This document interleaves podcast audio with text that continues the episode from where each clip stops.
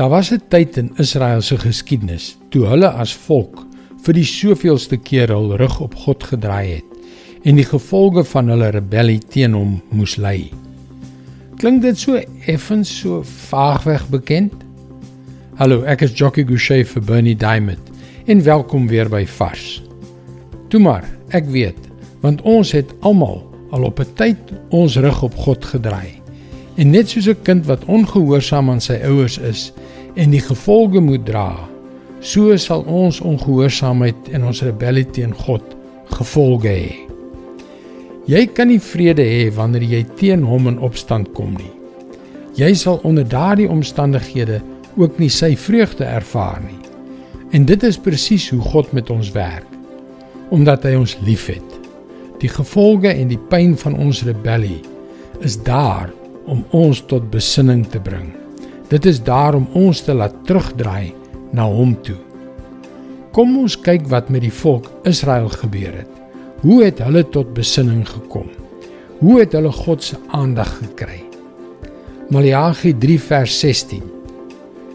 Toe het die mense wat eerbied vir die Here het, onder mekaar geredeneer en die Here het dit gehoor en daarop ag geslaan. Daar is 'n gedenkboek voor hom geskryf met die name van die wat eerbied vir die Here het en waarde heg aan sy naam. Na wie het God geluister?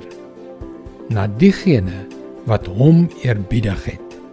Die oorspronklike Hebreëus sê aan diegene wat hom gevrees het. Aan die wat hom geëer het, aan die wat sy naam eerbiedig het. Is jy miskien deur 'n tyd van rebellie? Het jy miskien jou rug op God gedraai?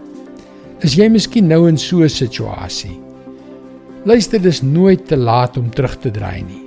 Hy is altyd gereed om te luister na diegene wat hom vrees, na diegene wat hom eer, na diegene wat sy naam eer. Dis nooit te laat nie. Dit is God se woord vars vir jou vandag. En die woord van God is vol oproepe vir ons om terug te draai. Dit is propvol van God se liefde, sy genade, sy guns. Jy kan ook daagliks boodskappe soos hierdie per e-pos ontvang. Gaan na ons webwerf varsvandag.co.za en teken in. Luister weer môre op dieselfde tyd op jou gunstelingstasie na nog 'n vars boodskap. Seënwense en mooi loop.